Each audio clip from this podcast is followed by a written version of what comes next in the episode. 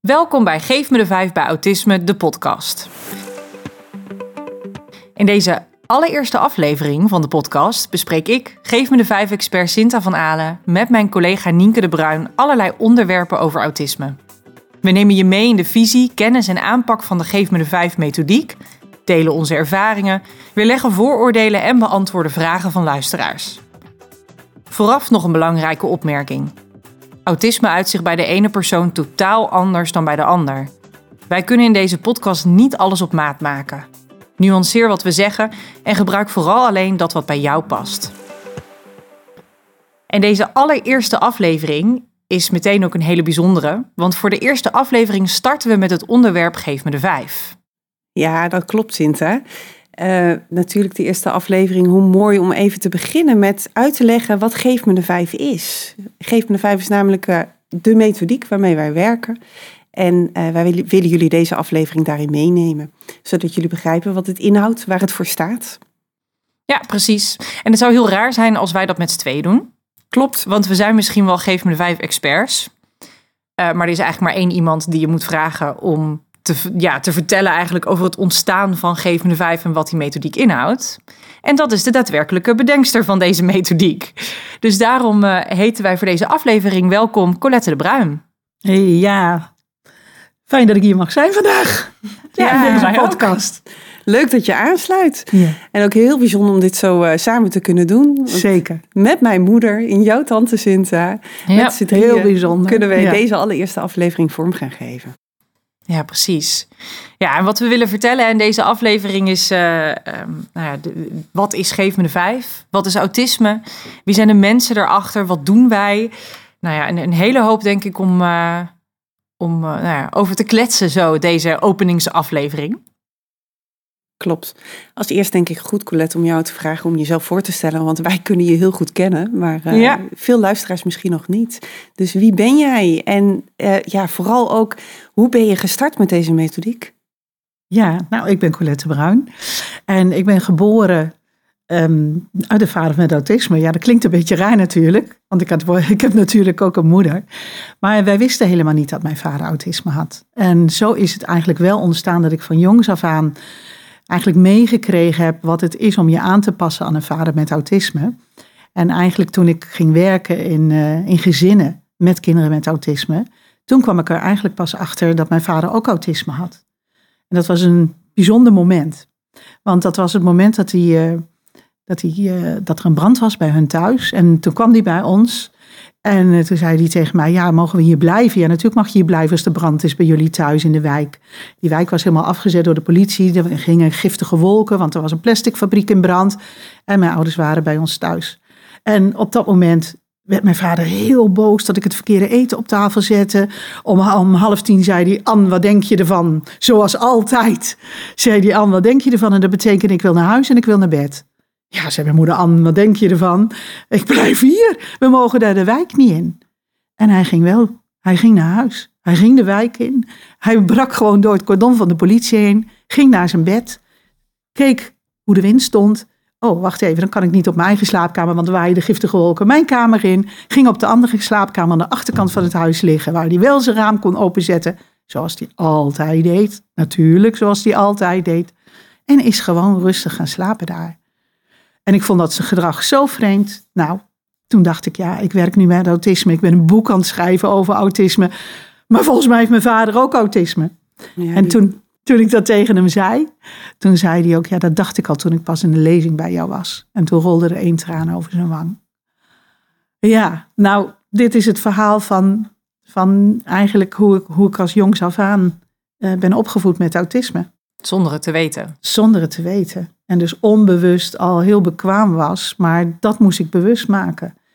En ja, toen ik ermee ging werken, dacht ik van, oh ja, dit vind ik zo'n leuke doelgroep. En doe me er maar meer van, zei ik tegen mijn eh, werkgever. Doe, doe me nog maar jongere kinderen, doe nog maar oude kinderen. Doe maar um, ouders die dat hebben. Ik wil ook met kinderen met een verstandelijke beperking dit, dit doen. Ik vind het zo leuk. Wat vond je leuk? Ja, ik wist gewoon wat ik moest doen.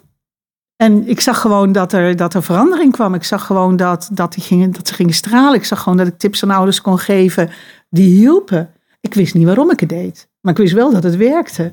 En toen, oh, toen dacht ik, oh, weet je, ik ga op vakantie. Ik neem alle boeken uit de biep mee die over autisme gaan. Dat waren er wel zes. en toen dacht ik, oh, met deze doelgroep wil ik werken. Dit vind ik zo leuk. En toen, ja, toen ging ik ermee werken, nog meer meewerken. En toen dacht ik, ja, maar het klopt niet wat we doen. We, we wisten ook helemaal niet wat we moesten doen. Je moet voorstellen, internet was er net. Je kon helemaal, ik, ik kon nog niks vinden op internet. Alles wat ik, wat ik had waren kopietjes over autisme. Dat was bijna niks. Het is voor ons echt niet voor te stellen dat er zo weinig geschreven was over autisme. Het was echt. Maar ik kan het me nog wel herinneren van toen. eh, ook het verhaal wat je vertelt over, over opa, hè, onze opa. Eh, ik weet nog wel de brand. Ik weet nog wel die avond hoe dat, eh, hoe dat was. Volgens mij was ik ook bij jullie thuis toen nog wel uit huis, maar eh, was ik wel op bezoek. En ik kan me ook nog herinneren hoe bijzonder dit moment was voor onze hele familie eigenlijk. Want ik weet nog dat jij je zus belde. En ook, ook zei, herken jij dit ook? Is, dit, is dit ook? En dat steeds meer kwartjes gingen vallen. En Ja. ook voor ons als kleinkinderen. dat Ik zei, hij lijkt wel autistisch. hij lijkt wel autistisch, ja. ja. En dat is wel een moment geweest waarop je ook, denk ik voor jezelf, maar dat, dat is misschien wel een interessante vraag, dat ook wel dat je meer ging begrijpen waarom je eigenlijk überhaupt met het bedrijf bent gestart. Ja, daar was toen nog helemaal geen sprake van. Maar dat was inderdaad, dit is zeker de reden waarom ik met dit bedrijf ben gestart. Want ik voel gewoon wat het is om kind te zijn van een ouder met autisme. Ik heb natuurlijk jaren, hebben we pleegzorg gedaan, bijna 40 jaar, 39 jaar pleegzorg van allemaal kinderen met autisme in huis. Dus ik weet wat het is om moeder te zijn van deze kinderen. Ik heb in de zorg, in het onderwijs en in gezinnen gewerkt. Dus Mhm. ik weet hoe dat is met autisme. En je hebt een, een enorm grote drive. Ja, Ja, anders hadden wij hier nu niet gezeten, denk ik. Nee, nou, ik denk dat die drive, die komt echt wel... Ik denk ook wel van de pijn vandaan. De Mhm. pijn van het hebben van een vader die anders is, waar toch om gelachen werd. De pijn van mezelf, denk ik, dat ik ook soms dingen deed waarom gelachen werd. En wie lachte er dan? Buren, mensen op straat, eh, bij vriendjes of vriendinnetjes bij wie je ging spelen. En als, als je, bij ons in, zeiden ze altijd, van wie ben je er een? En dan zei ik altijd, Ja. ja. van die en die en die en die straat. En dan zei ze, oh ja. En dan ging er zo'n blik tussen mensen onderling, waarvan ik later pas dacht, ja, weet je, op zo'n moment voelde ik het bevreemdend, maar ik kon dat niet plaatsen. En nu denk ik, ja, mijn vader die liep echt marcherend naar het werk. Die groette bijna geen mensen. Die, ja, die was ook vreemd in zijn gedrag. In de clubs waar hij zat raakte die altijd eruit. Op zijn werk raakte die eruit. Hij, hij viel op. Maar ook, ook ik viel op, omdat ik natuurlijk ook wel bijzonder gedrag had als je opgevoed wordt in zo'n gezin. En het is grappig, want jij zegt net, Nienke, dat ehm, jij omschrijft een beetje hoe oud jij was met die brand en dat je dat allemaal goed herinnert. Nou, ik ben een paar jaar jonger. Eh, Ik herinner me dat helemaal niet zo levendig. Ik ken dit verhaal gewoon, ja, omdat ik het e- eerder heb gehoord. Als verhaal? Als verhaal, inderdaad. Ehm, en voor mij was opa natuurlijk gewoon opa. Dus dat hij ehm, eh, dag en nacht, eh, winter, zomer op sandalen liep. ja, dat was gewoon zo. Dat, daar dacht ik ook helemaal niet eens over na. En ehm, dat hij dingen op zijn brood smeerde en dat ook aan mij voorstelde. En na tien keer nee zeggen het nog steeds werd voorgesteld. En ik dacht, nou, dit hoef ik echt niet op mijn brood. ja, weet je, dat, dat was gewoon zo. Appelmoes op brood. dat nou, dat deed ik dan weer wel. dat is er één die ik van hem heb. Ja. Appelmoes met kaneel. nou, dat, Een pindakaas met jam. ik wist dus niet eens dat hij daar vandaan kwam. Dus nou, stiekem deed ik het dus blijkbaar wel. Ja. Ja, ik was natuurlijk dus een stukje jonger. Dus ja, ik herinner me vooral gewoon natuurlijk de, de, de leuke dingen en logeren en... Mhm. ehm, mee naar de rommelzolder om dingen te knutselen.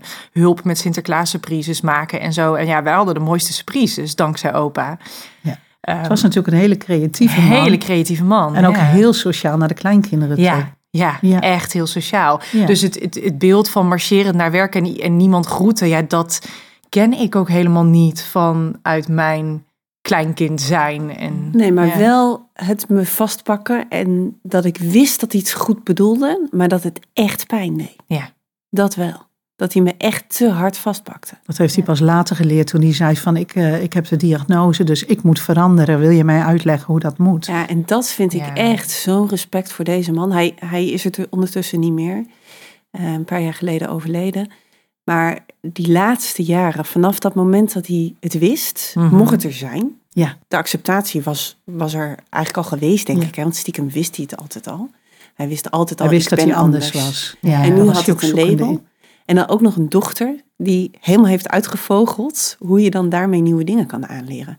En daar was hij jou enorm dankbaar voor. Hij heeft echt de laatste jaren ja, informatie opgezogen en maar en zoveel geleerd dat uiteindelijk de laatste jaren was het zo'n zachte man die juist wel heel goed sensitief kon aanvoelen.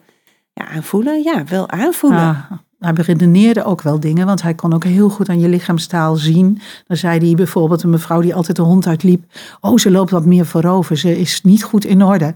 En ik zag dat echt niet, maar die details, dat viel hem zo op. En dat kon hij bij jullie aan de, aan de kleinkinderen, ook aan de gezichten wel heel goed zien. Ja. Ja. Ik vind het meteen eigenlijk wel een mooi bruggetje. hè.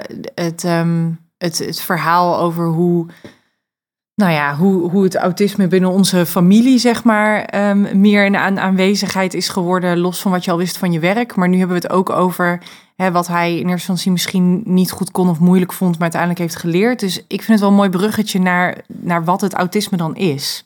Los van hè, jouw vader Colette, onze opa. Ja, als we het breder trekken, Ehm, waar hebben we het eigenlijk over? Wij maken deze podcastreeks om het over autisme te hebben. Ja, waar praten we over? Ja. Want wij, ik geef zelf natuurlijk, eh, ik geef cursussen voor Geef me de Vijf. Dus ik eh, praat de hele dag door met mensen over wat autisme is. En we hebben daar een prachtig wetenschappelijke onderbouwing van. Ja, ik ben eigenlijk wel benieuwd, Colette, als ik jou vraag. Mensen die aan jou vragen, oh, jij doet iets met mensen met autisme. Wat is dat dan? Wat is jouw antwoord daarop? Ja, simpel gezegd is het eh, informatieverwerkingsproblemen. Dus hoe verwerk je informatie? En dat gaat dan soms op een andere manier, omdat er storingen in het brein zijn die de informatieverwerking beïnvloeden. En die storingen hebben we allemaal, iedereen. Alleen de een heeft daar iets meer last van dan de ander, of heeft het wat vaker. En je ziet dat bij autisme zo'n chaotisch opgebouwd brein vaker voorkomt, waardoor er vaker storingen zijn, waardoor de informatie anders verwerkt wordt. En dus je een andere reactie krijgt van iemand met autisme. En ja, dat noemen we dan autisme. Nou, het is natuurlijk erfelijk. Ik heb zo'n vader, vertelde ik net. Ik merk zelf ook dat ik in die informatieverwerking, dat ik problemen heb. En dat ik soms tegen dingen aanloop waarvan ik denk, ja, dit moet ik nu al lang weten. En dan lukt het me niet. Of eh, ik verwissel of verhaspel dingen dat ik denk, oh, wacht even, maar dat hoort hier helemaal niet. Dus ik herken dat brein ook heel erg goed. Verdien ik dan een diagnose? Nou, dat denk ik niet. Maar tegelijkertijd ehm, is die diagnose ook maar iets wat er opgeplakt is aan een groep mensen die dat en dat en dat gedrag hebben. Terwijl ik denk, ja, joh, we zijn allemaal verschillend. Iedereen is uniek. Ja, Voor het mij- is een spectrum, voor mij, hè? Ja, voor mij hoeft die diagnose ook helemaal niet. Nee. Het is alleen fijn als je weet wat er met jezelf aan de hand is. Dat je niet, zoals mijn vader, zo lang dacht dat hij dom of gek was. Nou, hij zei dus ook letterlijk, ik ben dus niet dom, ik ben dus niet gek, ik heb dus autisme. Nou, dat kan ook zo'n erkenning geven. Maar goed, aan de andere kant, ja, het is maar een naam. En, het is maar een naam. Ja, dat denk ik ook echt hoor. En het is natuurlijk echt een spectrum. En volgens mij zit er niemand aan de kant van het spectrum waar je helemaal niks herkent. eh, van wat dan hè, hoort bij het, bij het autisme. En eh, tegelijkertijd heb je ook mensen voor wie het echt iedere minuut van de dag een belemmering vormt. Ja, En alles daartussenin natuurlijk, van eh, hoge intelligentie tot lage intelligentie, jong ehm, tot oud. Ehm, ja, ongeacht eigenlijk dat alles kan het natuurlijk voorkomen en er anders uitzien. klopt. Ja, Ja, dat is het. En daarom vind ik het zo fijn om gewoon de persoon te laten zijn wie die is.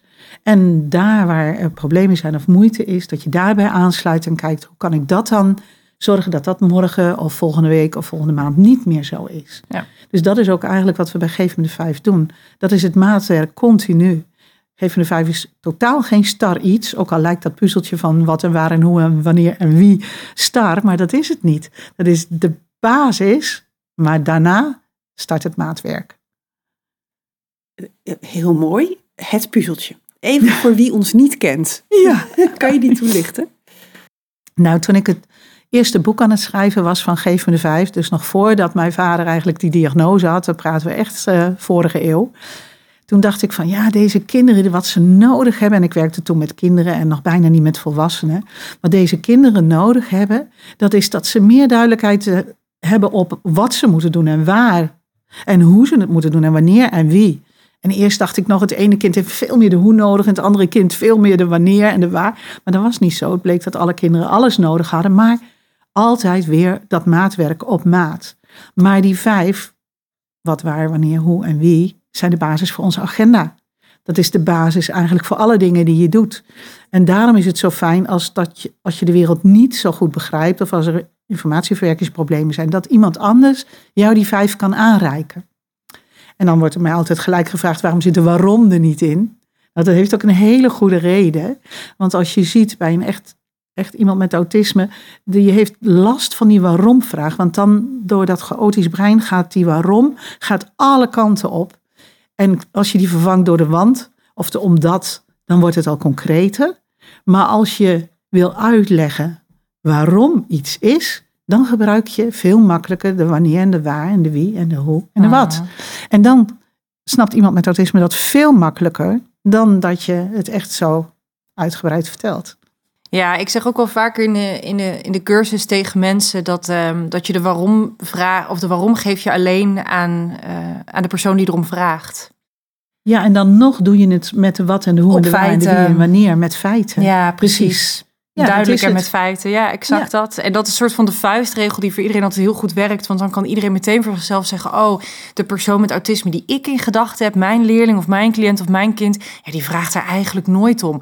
Huh, dus altijd als ik het geef, geef ik eigenlijk veel te veel informatie. Klopt. Terwijl iemand anders zegt: Oh ja, nu snap ik waarom ik dat de hele dag aan het uitleggen ben. Want ik krijg de hele dag door die vraag. Dus mensen Ja. weten dan ook vaak wel heel goed: Oh, dit is op mij van toepassing of mijn situatie of niet. Maar het blijft lastig om waarom uit te leggen op feiten. Daar moet je echt bewust Ja, over nadenken. Want we doen het meestal op inzicht of gevoel. Ja. Maar je moet er echt mee oefenen. En dat kan wel een Ja. wereld van verschil maken eh, in de conflicten die je anders daarna hebt. Ja, ja zeker weten. Ja.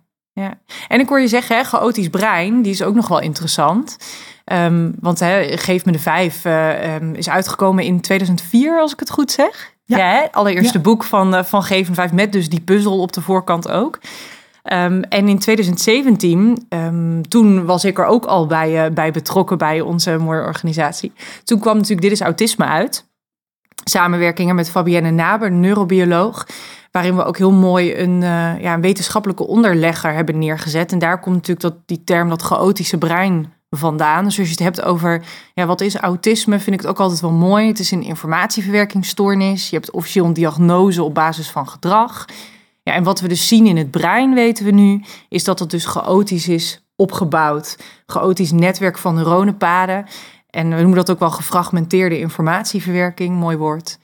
En die chaotische, ja, die chaotische breinen of chaotische delen van het brein, die zorgen er natuurlijk voor dat je een creatief brein ziet. Zoals we er straks ook al zeiden. Uh, maar ook dus de moeite met informatieverwerking en waarom die puzzel zo fijn is. Dus Ja. ik denk, ik leg dat linkje ook nog even voor degene die denkt, wacht even, chaotisch brein. Ja, Ja. weet je, die, die chaotische neuronenpaden, als je dat meer hebt, dan ben je natuurlijk heel, veel creatiever, wat jij Ja, zegt. ja. Je kunt natuurlijk heel lekker alle kanten op. Je kan brainstormen, je kan mindmaps maken. Je kan, weet je, ja, je kan heel creatief beroep ermee uitoefenen. Dat is hartstikke fijn. Tegelijkertijd, eh, dat brein, en dat, ik heb ook zo'n brein, dus daarom zei ik net ook al van, mijn hoofd loopt ook wel eens vast.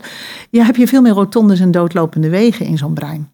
En dan zie je ook dat, eh, dat informatie gewoon verdwijnt. Of informatie niet in het bewuste aankomt, waardoor de ander denkt, ja, dat heb ik toch gezegd. ja. En ja, iemand met autisme zegt, ja, nee, helemaal niet waar. Dat heb je niet gezegd. Maar dat is gewoon niet aangekomen. En dat, die bewustwording, dat kan wel heel helpend zijn in, eh, in hoe je ermee omgaat. Zeker, ja.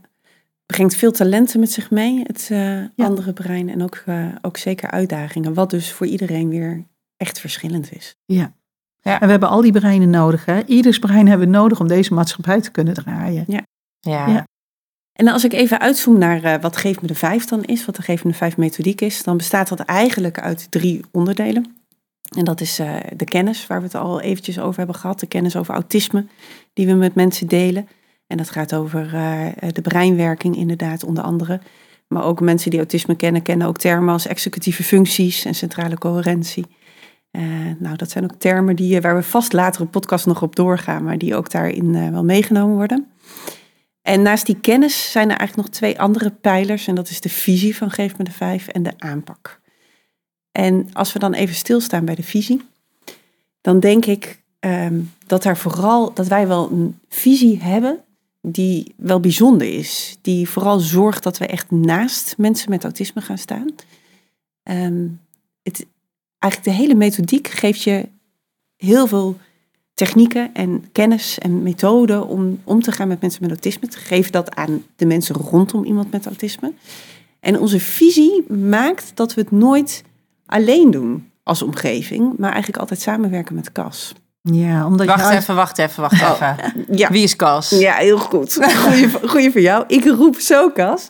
KAS is een eh, naam die wij eh, bedacht hebben eh, en die staat voor een persoon met autisme. De ASS van KAS, KAS is ook met dubbel S, staat voor autisme. En het is een term die wij bedacht hebben omdat we anders continu roepen mensen met autisme of autistische mensen. En dat is zo lang, dus wij hebben gezegd we noemen het gewoon KAS en dan hebben we het over iemand met autisme en dan blijft het lekker kort. Oh, en dat is zo leuk, want altijd als je dan een cursus geeft en je introduceert dat, dan kijken mensen je een beetje raar aan. En dan vijf minuten daarna, vanaf dat moment, zegt iedereen, ja, mijn kas. Ja, en ik heb ook van die, van die, van die autistische kassen en dan wordt het helemaal ingewikkeld. ja, ja, ja, ja. ja. Maar het is eigenlijk uit praktisch Ja, het is praktisch, is, het, eh, is dat gekozen. Ja, Ja. Dankjewel. Terug bij de visie. Terug naar de visie. Ja, onze visie is dus echt met kas. En, eh, en ernaast staan. Ja, en, en er vooral van uitgaan dat hij het niet expres doet. Ja. Ik hoor zo vaak, ja, maar het is toch ook een puber? Ja, tegelijkertijd blijft dat brein zo chaotisch en lukken dingen vaak niet. En op het moment dat we boos gaan worden en veroordelen, en dan, dan ga je tegenover staan. En op zo'n moment dan komt er meer verwijdering en meer afstand. En kun je minder helpen om te bereiken wat het doel eigenlijk is. Dus het nastaan en samen zoeken naar wat is nou de oorzaak van het probleem. Ja, dat kenmerkt echt wel onze visie. En wat ik ook echt van jou geleerd heb, ehm, is de zelfreflectie. Als, als een kind, een van, van hè, pleeg, jouw pleegkinderen, mijn pleegbroers en zussen, iets niet deed of iets niet lukte. Dan was jouw vraag niet, waarom doe jij dat niet? Of, of, Die heb ik nooit hè, gesteld. Die heb jij nooit gesteld. Het was altijd, oh, wat doe ik verkeerd? Wat kan ik nou anders doen, zodat dit kind het wel kan?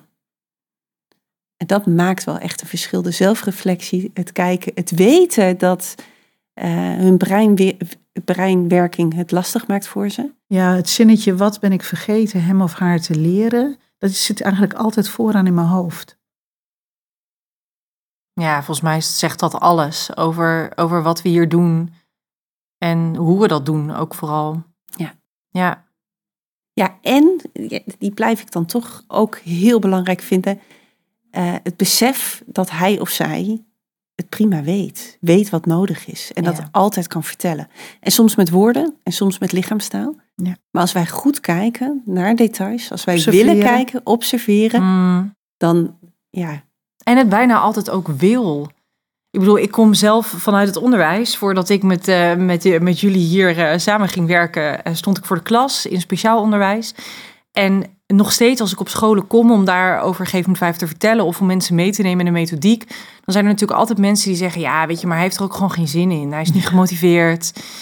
Ehm, ja, en als je dan teruggeeft dat ik ervan overtuigd ben dat ieder kind op school graag voldoendes wil halen. En dat ieder kind ehm, contact wil maken met andere kinderen en met leerkrachten en docenten.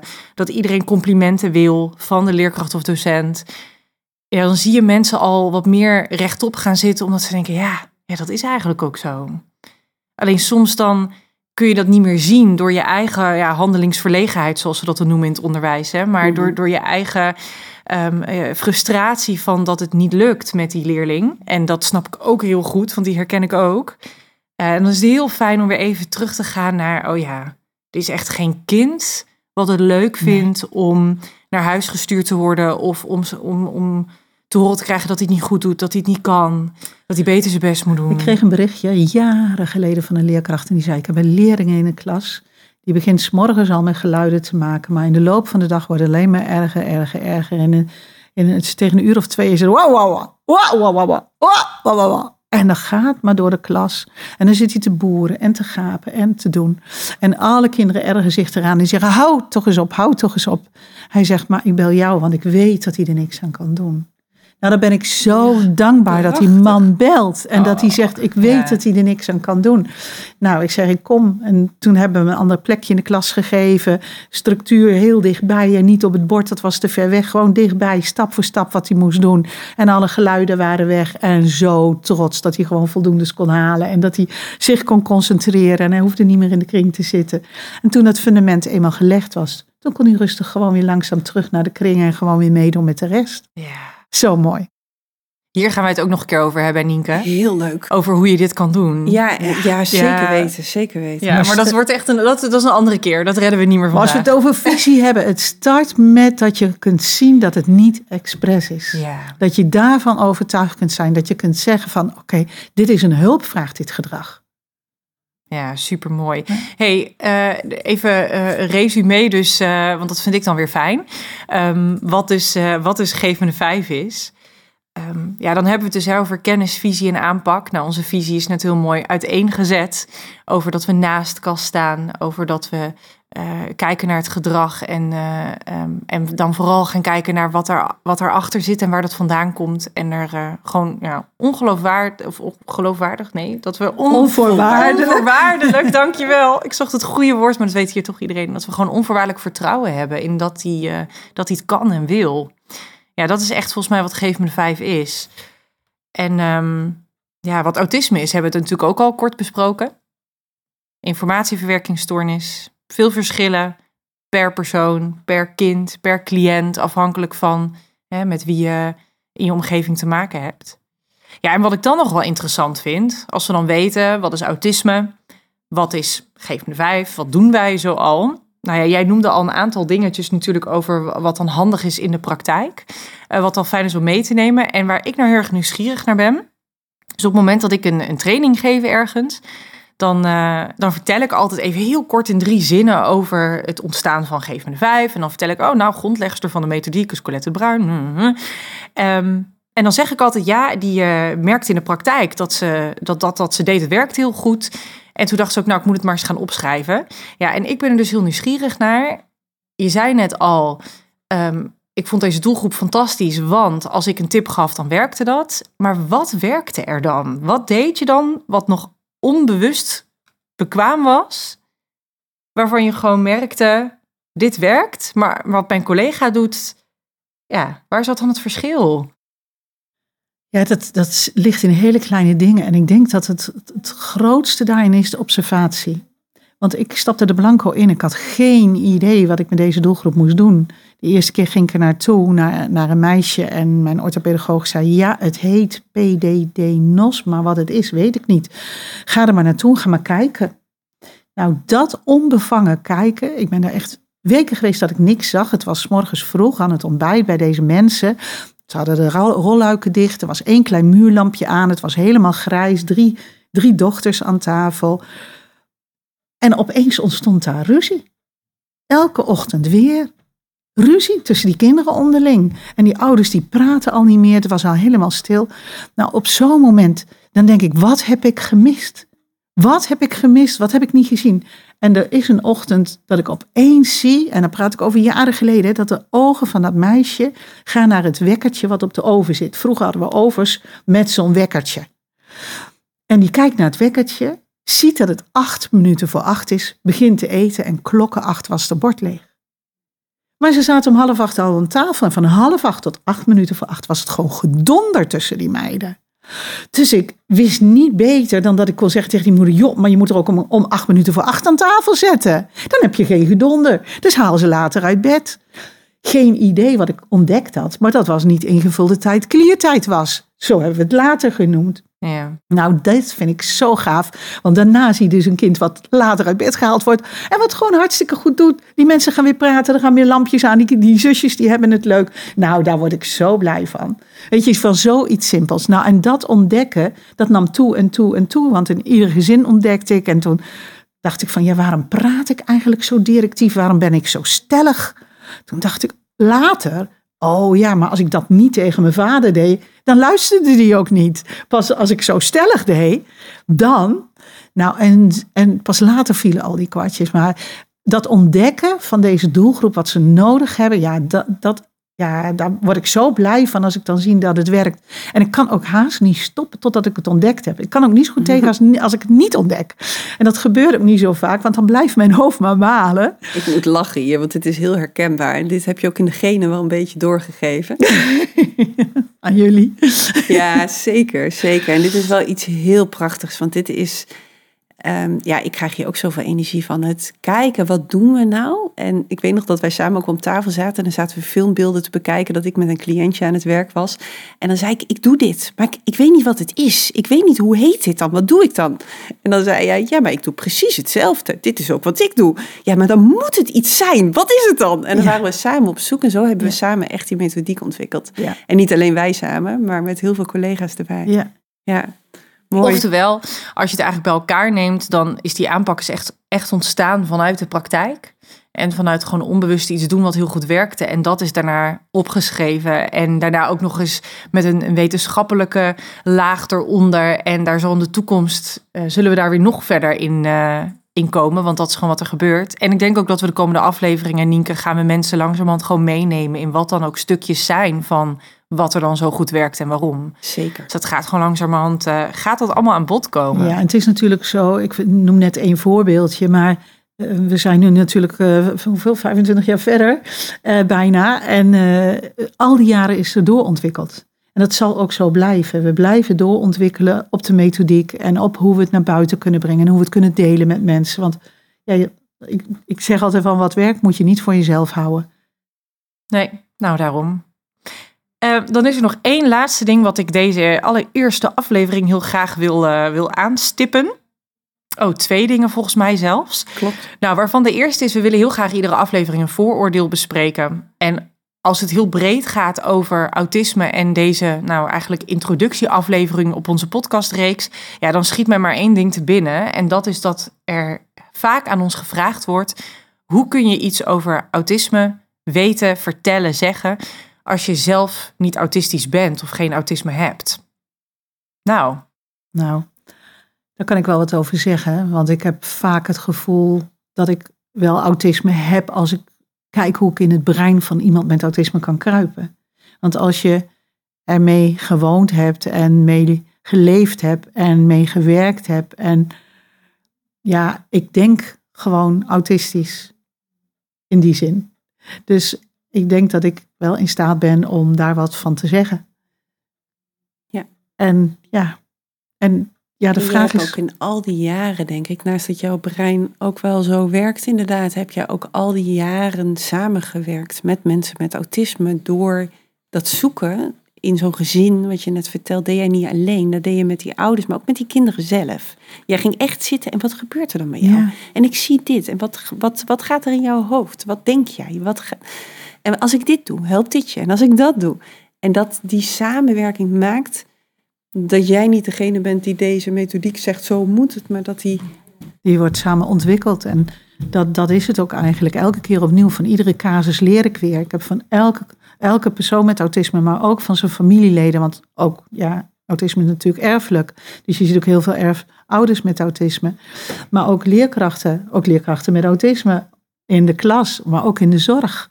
Ook bij verstandig beperkte mensen met autisme. Ik heb van allemaal geleerd. En zij hebben allemaal geholpen om de methodiek te maken zoals die is, met al zijn voorbeelden. En ja, dat kan je natuurlijk niet allemaal op papier schrijven, maar heel veel voorbeelden staan ook in de boeken. En ik denk, ja, mijn leven is autisme in die zin. Dus ja, en ik denk dat is bij jou Nienke net zo.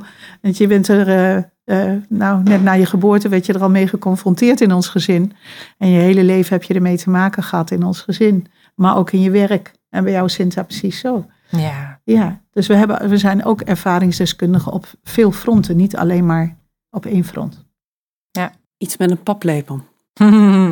ja, en we doen het, we doen het echt met, uh, met mensen met autisme. Ook in deze podcastserie, want er gaan absoluut ook mensen aanschuiven die, uh, die zelf een autistisch brein hebben. En uh, zodat we niet alleen maar hè, met praten over, maar zeker ook in gesprek gaan met. En dan heb je dus mensen met een diagnose, heb je het over. Ja, ja, ja. ja, ja terwijl ik denk, ik heb geen nuance. diagnose, maar ik ga wel een stuk die kant op. Ja. ja. ja. En dan bespreken we elke podcast ook nog een vraag van een luisteraar. Uh, deze allereerste aflevering hebben we nog geen vraag binnen. Dus ik zei tegen jou, Sinta, heb jij de eentje van, een van de training? Iemand uh, die een vraag heeft gesteld. En die had je? Ja, uh, een vraag die meer vaak vanuit de professionele hoek komt. En um, ik zit even te zoeken naar een. Uh, nou ja, ik laat ik hem gewoon stellen. Ik zat even te denken, wat, wat zeg ik daar zelf eigenlijk altijd op? Maar ik ben dus eigenlijk ook wel gewoon nieuwsgierig, Colette, wat jij hier altijd op zegt. Dat is namelijk de vraag: gaat de methodiek van Geef 5, gaat die ook samen met andere methodieken, die bijvoorbeeld binnen zorg of onderwijs worden gebruikt? Ja, natuurlijk gaat die samen met andere methodieken. Want Geef 5 is eigenlijk een extreme, extremere vorm van duidelijk en voorspelbaar zijn. Nou, dat kan je altijd doen. En wie heeft nou geen duidelijkheid en voorspelbaarheid nodig? Als je een verstandelijke beperking hebt, heb je dat nodig. Als je een jong kind bent, heb je dat nodig. Als je problemen hebt, heb je dat nodig. Ja, mensen met speciale beperkingen in het brein. Denk aan dementie, niet aangeboren hersenletsel, autisme, ADHD. Noem maar een rijtje op. Het is eigenlijk een, geef me een vijf, is een houding die je hebt naast iemand staan. Nou, volgens mij is dat altijd goed. Maakt niet uit of je iets hebt of niet hebt. Dat is ook fijn voor je partner als je naast hem staat in plaats van tegenover.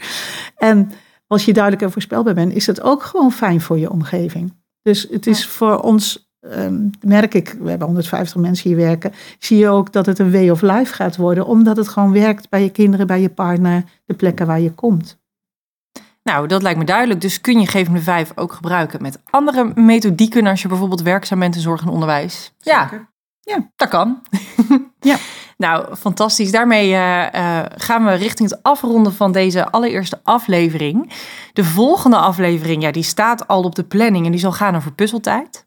Dus in het kader van duidelijk en voorspelbaar zijn, dat is het onderwerp van onze volgende aflevering. Klopt, inderdaad. Colette, dank je wel voor het aansluiten. Leuk om hier te zijn en uh, dat er heel veel mensen gaan luisteren, vind ik ook gewoon heel leuk om dit te delen. Ja, ja. leuk.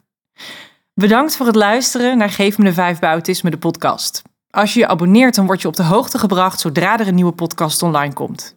En wil je nou in de tussentijd alvast meer leren over onze methodiek? Kijk dan op onze website www.geefmede5.nl voor onze boeken en scholingsaanbod. Ook kan je ons natuurlijk volgen via onze social media kanalen. Heb je vragen of opmerkingen over deze aflevering? Stuur die naar podcast.geefmede5.nl. Geef me de 5 met het cijfer 5.